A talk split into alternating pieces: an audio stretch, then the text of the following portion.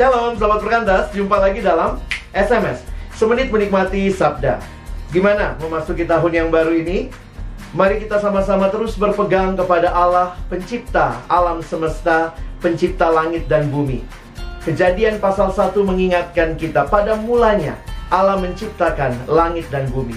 Itu berarti dia memegang kontrol penuh atas seluruh apa yang ada di alam ini, termasuk juga kehidupan kita.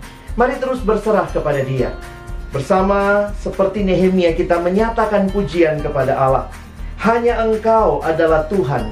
Engkau telah menjadikan langit dan bumi dengan segala yang ada di atasnya, laut dengan segala yang ada di dalamnya.